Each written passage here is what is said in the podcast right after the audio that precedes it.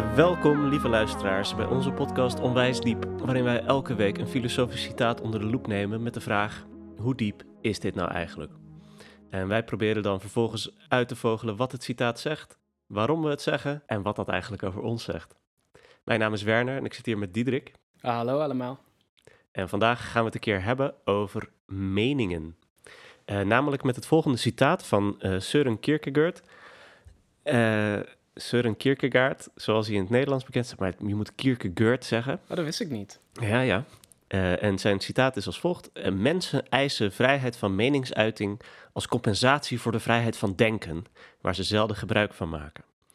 Uh, ik zal kort wat vertellen over wie die man dan eigenlijk is. Uh, Kierkegaard is dus um, een Deense meneer uit de 19e eeuw. Hij is, uh, leefde in de eerste helft, dus uh, volgens mij 1813 tot 1855 uit mijn hoofd. Uh, en um, hij was eigenlijk theoloog en filosoof, een beetje tegelijk. En hij schreef altijd onder een pseudoniem. als een soort van maatschappij. Ja, ik weet niet of het maatschappijkritiek was. Maar hij staat in ieder geval heel erg bekend om een soort van teleurstelling in zijn medemens altijd. Over hoe ze allemaal. Um, uh, toch zich als een soort van onnadenkende schapen ge gedragen. En heel veel kritiek op de kerk ook, omdat, uh, omdat de kerk een soort van uh, de, de relatie tot God zich wil toe-eigenen. Of een soort van vertelt wat je moet doen en dan doe je het goed. terwijl voor hem zo'n relatie tot God dan een heel persoonlijk soort relatie moet zijn. En dan moet je dus ook niet voor naar de kerk gaan, maar dat moet je een soort van binnen jezelf um, eigenlijk het meeste maken. Um, Oké, en, en nou, met die achtergrond voel je al een beetje dit citaat ook een beetje eruit opborrelen. Um, en uh, wij hebben daar een beetje onderzoek naar gedaan en het is wel interessant om op te merken. Uh, dus de, de zin die ik net voorlas was: Mensen eisen vrijheid van meningsuiting als compensatie voor de vrijheid van denken waar ze zelden gebruik van maken. Uh, en als je het opzoekt in zijn boek Of Of, Anton Eller in het, in het Deens, dan staat daar een beetje uitgebreider. Mensen blijven toch verbazen. Ze maken nooit gebruik van vrijheden die ze hebben, maar eisen de vrijheden die ze niet hebben. Ze hebben vrijheid van denken, ze eisen vrijheid van meningsuiting. Ja. Toch uh, best dus, anders. Toch best anders, ja, vertel. Uh, ja, want mijn, mijn eerste indruk bij, bij het gekozen citaat, dus de vorm die we, die we, waarmee we begonnen. Mensen eisen vrijheid van meningsuiting als compensatie voor de vrijheid van denken die ze niet gebruiken. Um, ik vond die formulering wat vaag. Ik snapte hem niet, niet, niet meteen helemaal van wat nou wordt gecompenseerd door wat. En ik ben dus ook meteen gaan kijken van uh, hoe zei hij dit zelf. En dus ik was al verbaasd over die um, ook een beetje kromme zin, zo met dat stukje erachteraan van waar ze zelden gebruik van maken. Is dat nou de hoofdzaak? Of is dat gewoon een stukje dat erbij hoort? Nou ja, uh, ik had wel meteen zin om erover te praten. Want de, de moderne versie, zullen we hem dan maar noemen, die, die lijkt er ook van uit te gaan dat we dus zowel vrijheid van meningsuiting als vrijheid van denken hebben. Maar Kierkegaards oorspronkelijke versie suggereert dat die vrijheid van meningsuiting er nog niet is. En dat is natuurlijk in de 19e eeuw. Dus je ziet ook dat het, dat het stiekem een beetje geüpdate is. Van, of aangepast is aan de context waarin het citaat wordt, um, wordt gedeeld. Ja, want je, je kunt het inderdaad nog op verschillende manieren lezen. Want ik zei net van uh, die vrijheid van meningsuiting, die moet compenseren voor de vrijheid van denken. Hm. Maar in die moderne versie zit ook het woordje eisen. Ze eisen vrijheid van meningsuiting als compensatie voor eigenlijk voor het niet gebruik maken van de vrijheid van denken. Uh, dan zou je kunnen zeggen nog dat dat, dat dat eisen de compensatie is voor het niet gebruik maken van denken. Ah, ja. ze, ze denken niet, maar doordat ze iets opeisen, lijkt het alsof ze denken. Of lijkt het alsof ze wel degelijk uh, inhoud hebben of zoiets. Oh, daar had ik er nog niet eens over nagedacht. Maar dat, ja, dat, uh, ja dus dat is, maar dat zit echt in die moderne versie. Want ja. hij zegt het zelf. Vind ik toch wel ietsje sierlijker. Ook al, ook al blijft er veel impliciet. Volgens mij is het echt dat die moderne versie een soort poging is om wat er impliciet is uh, in zijn oorspronkelijke formulering. Ze hebben vrijheid van denken, ze eisen vrijheid van meningsuiting. Om dat soort van expliciet te maken. Ja, het is wel echt een soort interpretatie van, van wat hij daar zegt. En uh, als ik dat, de moderne versie van het citaat lees. Mensen eisen vrijheid van meningsuiting als compensatie voor de vrijheid van denken uh, waar ze zelden gebruik van maken dan heb ik het gevoel dat dat wil zeggen, ja, mensen praten liever dan dat ze nadenken over dingen. Ja, zoiets. Uh, iets, in ieder geval iets in die richting. Ja, maar op, ik zou wel zeggen dat dat, dat zit misschien nog ook wel in uh, wat, die, uh, wat, die, wat die oorspronkelijke formulering wil zeggen. Dat kan ik daar ook nog wel uithalen. Hmm. Gewoon zeggen, ze hebben vrijheid van denken, maar ze eisen vrijheid van meningsuiting. Oh, daar staat trouwens wel eisen. maar ja, en die compensatie. Ik heb het gevoel dat het, dat het woord compensatie, dat je daar misschien. Dat we daar misschien niet te veel op vast moeten gaan zitten. Want ik heb het gevoel dat het de moderne vorm wil gewoon zeggen. Uh, er is een verband tussen hoe. tussen het. Uh, en het compenseren. Uh, ja, dat is eigenlijk een beetje raar, een raar, rare keuze daarin. Ja. ja, je zou kunnen zeggen dat de moderne versie er een soort van handig pakketje van heeft gemaakt. Hm. Eh, waardoor je zelf niet te veel vrijheid van interpretatie hebt, die er misschien wel nog is bij de, de formulering van Kierkegaard zelf. Ja. Uh, dus dat compensatie, dat is een soort explicitering van de tegenstelling tussen mening en denken, mening uiten en denken. Want blijkbaar kun je met meningen compenseren voor denken of zoiets. Ja. en, en dat door te zeggen, ja, dat doen ze om te compenseren, want van die ene maken ze nooit gebruik. Dan, dan maak je het minder sierlijk en minder, uh, ja, minder, minder interessant misschien zelfs. Uh, maar je maakt het wel helderder. Je maakt wel duidelijker wat, wat jouw interpretatie van dat citaat is, ja. uh, door het zo te verwoorden. zullen we daarop ingaan? want mening en denken worden wel degelijk tegenover mhm. elkaar gezet. zijn die dan zo verschillend? Goede vraag, Werner. ja. ja. um, Ja, want ik denk dat gewoon om te beginnen met dan de, de associaties of wat, het, ja, wat, wat mensen waarschijnlijk horen in dit citaat. Ja, de associatie bij mening is dan meer iets subjectiefs of een soort um, iets ondoordachts. Iets dat je gewoon hebt, iets, een, een oordeel. En, een, uh, en het denken is dan een soort proces van goed overwegen hoe alles nou eigenlijk in elkaar zit of zo. Is dat een soort begin?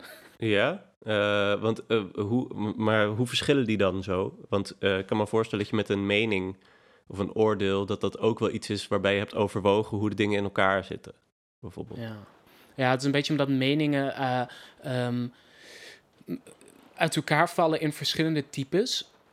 Ik zou zeggen dat inderdaad, je hebt meningen waarvan we zeggen... die zijn doordacht... Maar ik heb het gevoel dat dit citaat die dan Ehm, bij het denken schaart of zo. En, en dat denken contrasteert met de meningen die bijvoorbeeld waar je iemand vraagt: uh, waarom vind je dat? Ja, dat vind ik gewoon. Dat je dat antwoord krijgt. Mm. Ik, uh, weet je, ik heb het gevoel dat mening hier dat betekent. Uh, en niet, yeah. um, oh ja, ik heb um, bronnenonderzoek gedaan of ik heb heel veel artikelen gelezen en zo heb ik mijn mening gevormd. Ja, precies. Toch? Ook omdat het gaat om de vrijheid van meningsuiting. Het is niet het hebben van een mening, maar het uiten van een mening. Ja, ik heb dat laatst wel eens een keer uh, in, een, uh, in een gesprekstechniek boekje gelezen. Dat uh, vaak in gesprekken is er helemaal geen ruimte voor nieuw denken. mensen die zeggen gewoon wat ze in hun hoofd hebben. En daardoor wordt het een soort herhaling van zetten die ze al zelf een keer hadden gedaan. en daardoor uh, is het gewoon een op tafel leggen van oud denken. En nieuw denken, daar komt pas, uh, uh, daar kun je er ruimte voor maken door af en toe stilte, stilte in te lassen in het gesprek. Dat je gewoon zegt, iemand heeft een tijdje gesproken, dan moet je daarna even stil zijn, zodat iedereen kan kijken wat het met hem of haar doet. Ah. Dan, dat is dus dan blijkbaar de, het denken wat er dan plaatsvindt. Ah, dat, vind, dat is wel, vind ik wel een interessant punt, omdat want dat model suggereert dan dat het denken iets is dat je vooral waarvoor je even afstand nodig hebt, of iets dat je even in jezelf moet doen. Terwijl je ook kunt zeggen uh, dat het denken eigenlijk juist in het gesprek gebeurt. Ik bedoel, bijvoorbeeld als ik voor mezelf thuis zit, dan, dan heb ik het gevoel, dan is het best gerechtvaardigd om te zeggen, Diederik, je bent gewoon je eigen mening aan het herhalen voor jezelf. Um, maar het is als ik met jou praat, dat ik uh, juist juist iets nieuws hoor. uh, Waardoor er een denkproces op gang komt dat meer tussen ons plaatsvindt. Zo kun je er ook naar kijken. Ja, ja dat vind ik dus ook.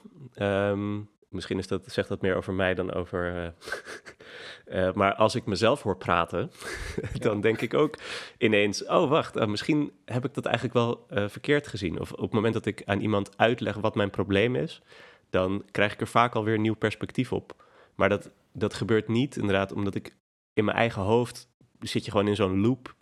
Of in ieder geval werkt dat bij mij zo. Dat een beetje zoals wanneer je een popliedje in je hoofd hebt, dat je dan gewoon drie zinnen in je hoofd hebt die, die of drie of een melodietje dat zichzelf steeds herhaalt. Terwijl wanneer je dan het melodietje zou gaan zingen, of, of zou gaan luisteren, of met iemand anders zou moeten gaan spelen, dan gebeurt er toch iets nieuws. Ja. Meestal.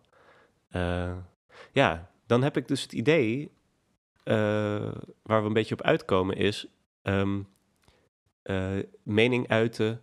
Nou, misschien moeten we dat ook nog wel zeggen. Wat ik wilde zeggen was, mening uiten, dat is ook nodig voor denken.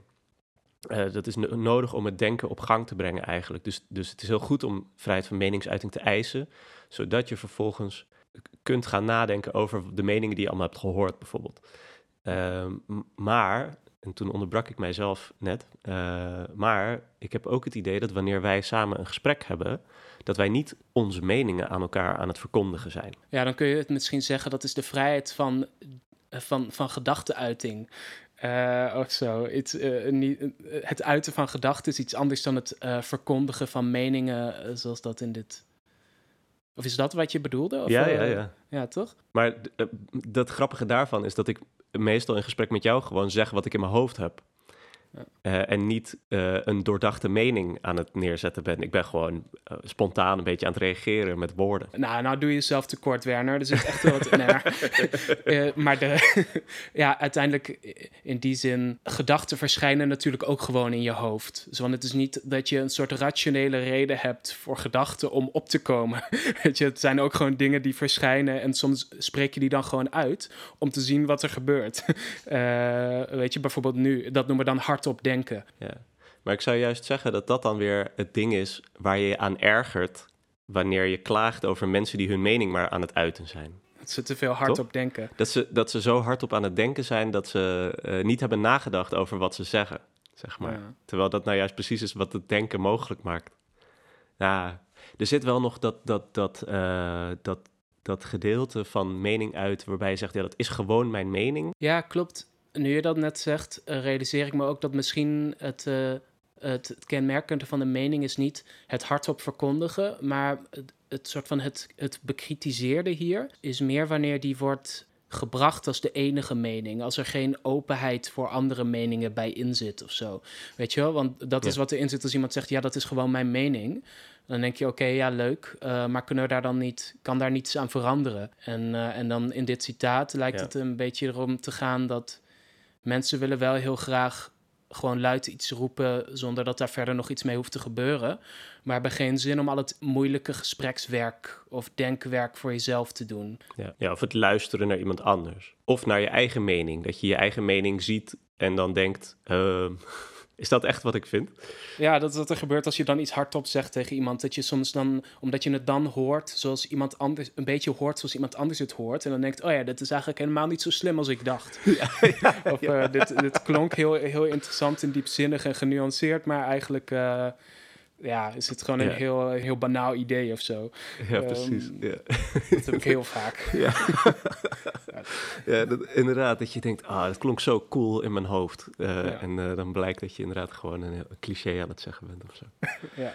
ja, grappig. Ja, oké. Okay. Dus dat, is, uh, dat, dat contrast is natuurlijk wel dat wanneer je denkt... dat je dan nog wel een soort open staat voor verandering. En dat je dan nog zegt van, nou ja, maar misschien denk ik straks nog iets anders. Ik heb nu deze gedachte in mijn hoofd, maar dat, dat verandert eigenlijk altijd. Terwijl een mening soort iets statisch is, uh, waar, je, waar je niet langer aan twijfelt, of waar je niet, niet voor uh, open staat om die uh, nog weer van, van mening te laten veranderen. Of in ieder geval wordt dat een heel, is het een moeilijker proces dan wanneer je alleen maar een gedachte hebt, want die vervliegt toch weer. Terwijl jouw mening, dat heeft ook iets te maken met, met jouw zelfidentificatie of zoiets.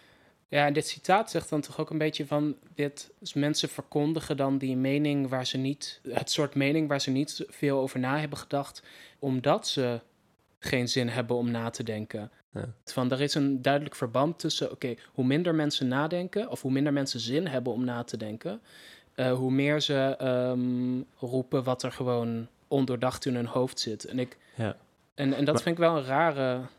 Ik vind het, misschien kan ik het mooi eh, samenvatten wat ik ervan vind nu. Want volgens mij is het zo dat eh, ik heb er niet zoveel problemen mee wanneer iemand iets zegt wat hij in zijn hoofd heeft, waar hij van tevoren niet over heeft nagedacht, als er maar de bereidheid is om er daarna, nadat hij het gezegd heeft, over na te denken. Ja. Dus de, de, het probleem dat Kierkegaard misschien probeert te benoemen is, meestal zien we de mening als soort van het eindpunt van een discussie, of het eindpunt van nadenken. Eh, omdat je, en het maakt niet uit of je het heel overwogen mening hebt of niet. Eh, maar dan is het in ieder geval zo, wanneer je hem uit, dan is dat waar je voor staat. Terwijl wat we zouden willen zien, of wat eigenlijk eh, aan te moedigen is, is dat je eh, een mening uit en dan daarna luistert naar wat dat, wat dat doet met andere mensen. Of, dat je, eh, of met jezelf.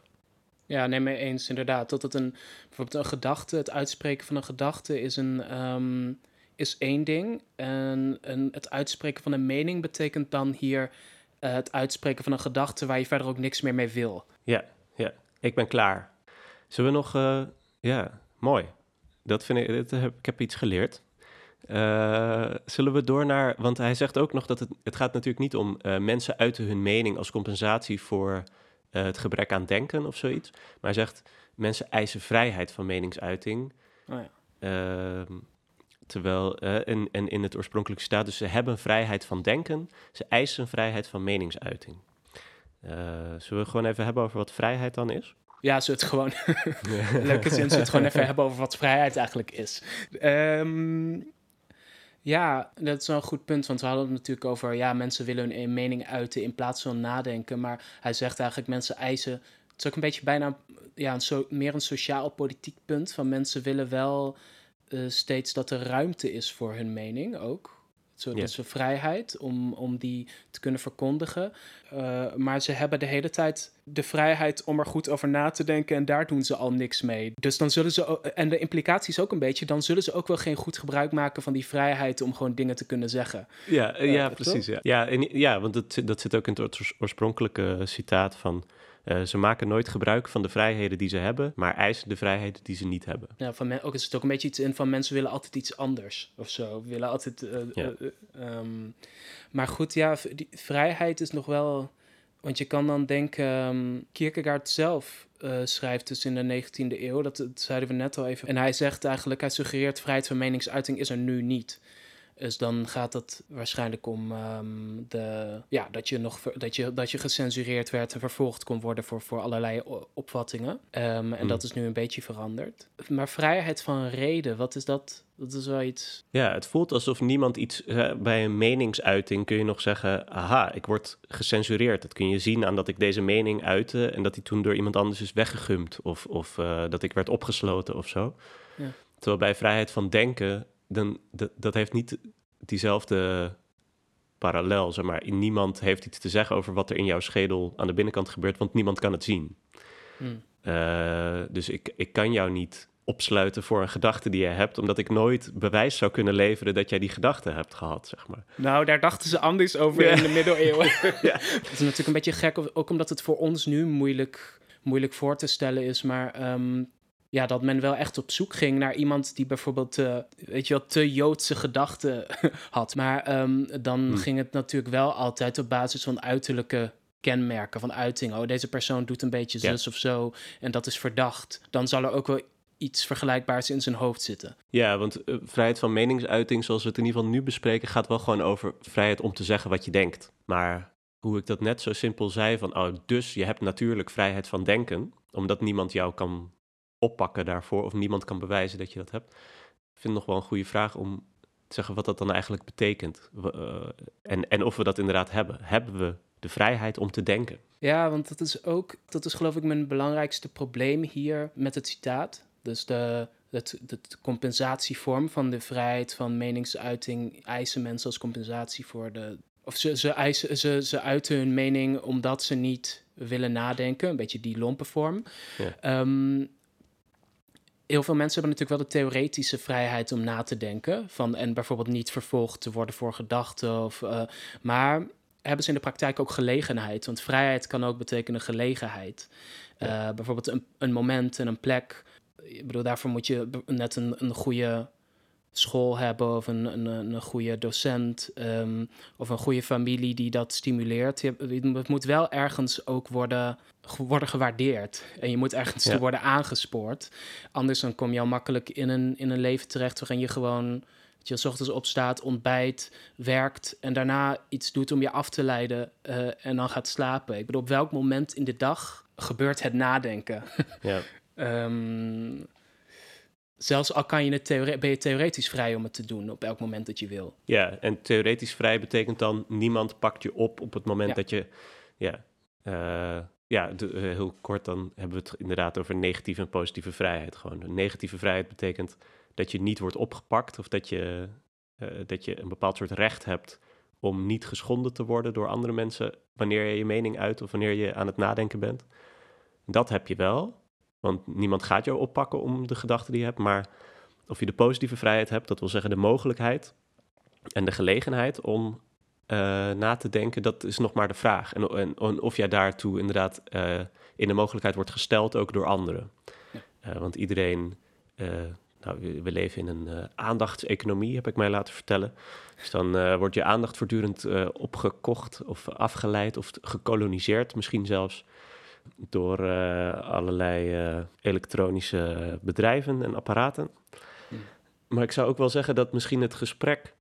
eh, ik heb altijd het idee dat ik, ehm, als het om, het om het politieke debat gaat, dat ik het niet zo goed bij kan houden. Zeg maar, er is een gesprek aan de gang en iedereen reageert voortdurend op elkaar. En daardoor denk ik steeds, oh, oh, oh we zijn alweer daar. Oh, daar werd iets gezegd. Oh ja, daar ben ik het wel mee eens. Ehm, maar toen waren die reacties er. Oh ja, maar er zit ook wel wat in. En dan misschien, ik voel me dan altijd gewoon heel sloom.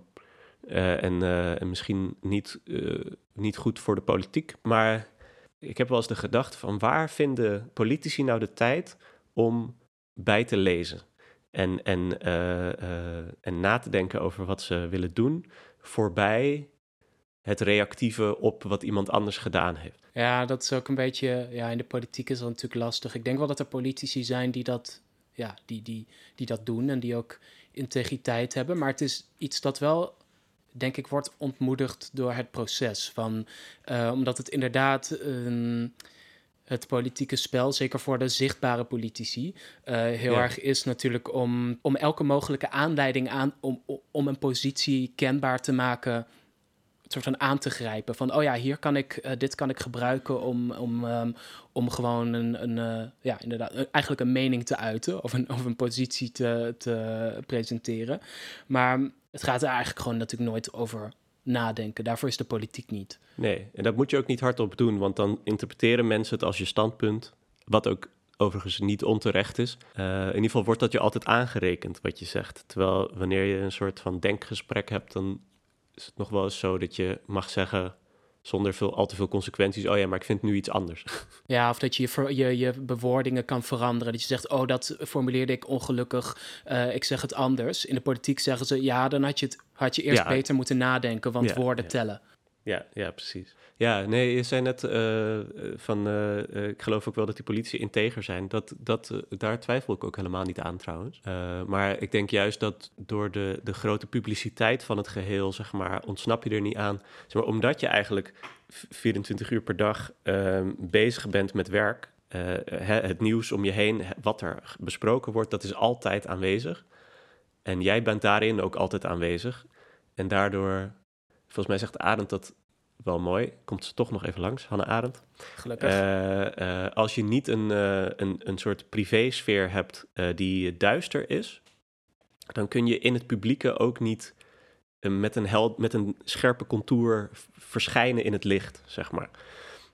Dus je moet altijd verschijnen in het licht te- voor een wat duisterder achtergrond, waar jij je, bijvoorbeeld je vaardigheden hebt ontwikkeld, waar je hebt nagedacht, waar jij je, eh, je voorbereidingen hebt getroffen en je, en je, je vaardigheden hebt verbeterd. Waardoor je dan vervolgens, hè, eh, wanneer jij net begonnen bent met eh karate training, dan ga je nog niet je high kick demonstreren voor de klas, maar je gaat eerst zorgen dat je die perfectioneert. En daardoor kan je dan eh, eh, voor de klas je high kick demonstreren en dan maak je indruk, zeg maar. Dat is het Dus in, in het privé bereid je het publieke voor. Ja, Ehm, exact. en, ja. en je hebt dus wel, en dan eh, er moet denken in het privé plaatsvinden, ook om het misschien in het publieke voor te kunnen zetten. Anders dan ben je altijd een beetje verdwaald in die, in die chaos van meningen. Ja, precies. Ja, dan, word je, dan word je oppervlakkig. Dan, dan, ken, dan is jouw oppervlakte het enige wat er nog is. Nou, dat wat er zichtbaar is in de publieke sfeer. Van daaruit kan ik denk ik nog wel begrijpen waarom, eh, waarom je nu zou kunnen twijfelen aan of die vrijheid van denken er nog is. Omdat eh, eh, zoiets als een privésfeer die helemaal voor jouzelf is, die niet eh, wordt binnengedrongen door iets publieks, zoals het internet. Ja, want dan suggereer je wel dat, dat er eigenlijk dat er een beetje isolatie moet zijn bijna. Ja, ja exact. Ehm, ja, en ja. ik weet niet zeker of ik dat. Of ik dat geloof en of dat iets is wat nu. Ik bedoel, eh, ik denk wel dat onze eh, de moderne samenleving daarin weet je, uniek is of op een nieuwe, een hele nieuwe vorm heeft. Maar bijvoorbeeld, je kan je ook voorstellen, bijvoorbeeld op een heel kleinschalig gemeenschapsleven is er ook de hele tijd iemand die tegen je aanloopt te lullen van ben je nooit alleen. Ehm, dat is best wel ja, klopt. goed. De vraag is wie, wie heeft die kans wel? Ja, ik, ik denk wel dat er wat voor te zeggen valt dat de grens tussen publiek en privaat, of publiek en privé, eh, heel, erg, heel erg weinig meer betekent. In ieder geval. Omdat je dan ook thuis steeds het nieuws of je de sociale media en zo hebt. zo. Ja, thuis zit je ook voor het slapen gaan nog op je telefoon of zo om eh, de, de laatste dingen te kijken. Eh, of je nou thuis bent of in de trein of eh, op je werk. Je bent altijd verbonden met een soort van cloud. En tegelijkertijd, ja, dus daardoor vervaagt dat onderscheid in ieder geval wel. Wat zijn onze laatste, wat zijn onze final thoughts over dit citaat? Ehm, ja, ik vind het geloof ik in geen van beide vormen eh, ben ik het er mee eens. Ik bedoel, iedereen kent het beeld of kent de frustratie over mensen die hun mening uiten en daar duidelijk niet over na hebben gedacht en vooral niet bereid zijn om daar iets aan te veranderen. Dat is irritant. Ja. Maar ik geloof niet dat ze dat doen omdat ze bijvoorbeeld te lui zijn om na te denken of geen zin hebben om na te denken. Ik geloof ook, dat is een beetje het tweede deel van ons gesprek dan, dat het misschien komt omdat het niet wordt, ja, omdat er weinig gelegenheid is voor veel mensen om na te denken. Of omdat ze niet, Daartoe in staat worden gesteld. ja, precies, geen plekken en momenten hebben waarin, eh, weet je, waarin mensen zeggen, hey, eh, zo kun je ook nadenken. Of, ehm, eh, eh, Ja. ehm, weet je, zoals wij bijvoorbeeld hebben gedaan dan in filosofievakken met maar een klein groepje. En dan, weet je, dat is heel intensief. Ja. Daar, dat is, dat, en dat vormt vervolgens wel een soort model ook voor wat je later in je kamertje kan doen. Eh, Ja. Weet je Ja, wel? precies, ja. Ja, ja. ja dus het, het, het, het citaat suggereert eigenlijk dat we een vrijheid van denken hebben. En dat het aan ons is om daar al dan niet gebruik van te maken. Terwijl we heel erg zijn gaan twijfelen in dit gesprek over of die vrijheid er inderdaad zo vanzelfsprekend is. Ja. Ehm, terwijl het eisen van vrijheid van meningsuiting, wat dan wordt neergezet als iets wat eh, ja, toch wel. Nou, dat hebben we niet echt besproken, maar het, de, het zit er natuurlijk wel dik in dat, dat het meningsuiten, dat het wordt neergezet als iets lagers Ja. dan het denken. Eh, dat we daar eigenlijk wel weer wat voor te zeggen vinden, omdat het misschien een van de manieren is waarop het denken wordt mogelijk gemaakt, doordat je verschillende meningen tot je kan nemen. ja, je kan ook zeggen, het is fijn om in zo'n, even om, om het soort van eh, positief voor te stellen, in de mm, huidige samenleving heb je eindeloos veel kans om andere meningen te vernemen. Even los van of mensen daar dan iets mee doen, maar de mogelijkheid is er wel om... ehm, je kan Ja. natuurlijk ook opgroeien in een klimaat waarin je nooit een ander... eh, weet je, een heel afgeschermd klimaat waarin je alleen maar altijd één verhaal hoort. Wat voor cijfer zouden we het geven? Ja, ik, ik, ik geloof dat ik hier niet zoveel eh punten voor, voor heb. Ik vind het ook niet zo, zo diep. Ik bedoel, alleen omdat, omdat vrijheid en mening en denken allemaal heel diepe begrippen zijn. En, en dingen waar je heel makkelijk op allerlei verschillende niveaus over kunt praten. eh, heb je natuurlijk al gauw een goed gesprek. Maar komt dat door dit citaat? Ja, ik bedoel, dat had elk citaat kunnen zijn dat het heeft over vrijheid van meningsuitingen, weet je? Ja, het is natuurlijk vooral grappig omdat het, omdat het lijkt op, een- op dat het zelf een soort meningsuiting is over het gedrag van andere mensen, eh, waar niet zo goed over is Oh, nagedacht. de metakritiek. ja. Ja, Oké, wat zou dat dan geven? Is dit, dat is dan geen voldoende? denk nee, ik. ik vind het, het zit wel echt een beetje bij een vier, misschien. Ja? ja. ja. Ook omdat ik het verband tussen die twee, tussen die, die, dat, die compensatie, eh, dat verband, dat vind ik heel, dat vind ik een beetje raar. En daar daar kan ik gewoon niet zoveel mee. Dus eh, Ja. Ja, die compensatie die, die moeten we sowieso afschaffen. Ja. Maar eh, ook de verwoording van Kierkegaard, die, die impliceert toch iets wat eigenlijk niet klopt. Of Nee. wat eigenlijk juist niet zo diep is. Wat niet, niet veel inzichten geeft over mensen en hoe ze al dan niet denken of hun mening uiten. Of, ja. Eh, nou, vier, ik kan me daar wel achter scharen. Mooi. Vooruit. Oké. Welke gaan we volgende week doen, eh Diederik? wat mij leuk leek, was een citaat weer van, eh, van Machiavelli. En dat is: Het is beter om te handelen en spijt te hebben, dan om niet te handelen en spijt te hebben. Heel mooi. Ja, Dan zou het kunnen dat we aan het eind van die podcast eh, bedenken dat we het beter niet hadden kunnen doen. right. Alright, hey dames en heren en eh, alles daartussenin. Van harte bedankt voor het luisteren. Ik hoop dat jullie het ook een heel interessant gesprek vonden, net als wij. Ja. En eh, tot de volgende keer. Tot de volgende keer.